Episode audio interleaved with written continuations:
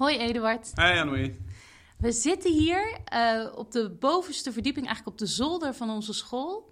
Um, een 19e eeuw schoolgebouw. We kijken naar de houten uh, balken van de zolder. En we zitten aan een tafel vol met bakken toetsen, want het is deze week toetsweek. En de docentenruimte achter ons is al schrikbarend leeg. Alleen jij en ik zijn er nog. Het weekend is al begonnen voor de rest. Typisch leraar, het is kwart over vier. En waarom zitten we hier? Nou ja, deze zomer liepen we een rondje door het Vondelpark. Uh, een beetje praten over het afgelopen schooljaar. En toen zei je opeens: Ja, ik heb eigenlijk best een bizar idee. Zullen we een podcast gaan maken? Eerst dacht ik: Nee, man, wat hebben we nou te zeggen? Maar toen opeens realiseerde ik me dat iedereen in Nederland op school heeft gezeten.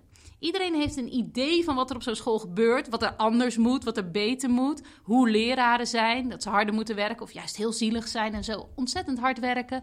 Um, dat leerlingen gewoon minder op hun telefoon moeten kijken of juist meer op hun telefoon moeten kijken. En zo heeft iedereen een idee. En eigenlijk dachten we, hoe weinig verhalen zijn er eigenlijk echt vanuit het onderwijs? En hoe leuk om die verhalen dan te gaan verzamelen. Dus uh, toen dacht ik, oké dan, een podcast. Dus dat gaan we doen. We gaan verhalen brengen uh, van een school midden in Amsterdam, Cartesius Lyceum, uh, midden in een pandemie.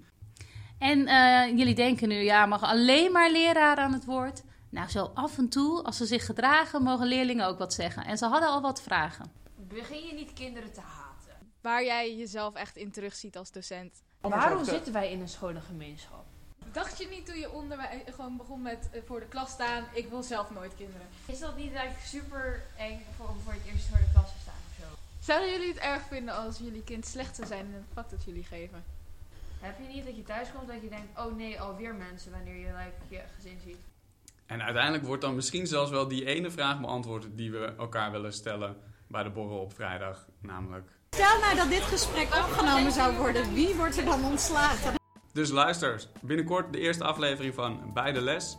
En uh, mocht je deze trailer nou al heel goed vinden, abonneer dan alvast. Want dan zie je die aflevering gelijk in je feed verschijnen. En kun je ook alvast gewoon 5 sterren geven. Want waarom niet? Waarom niet gewoon? Geschieten is gratis.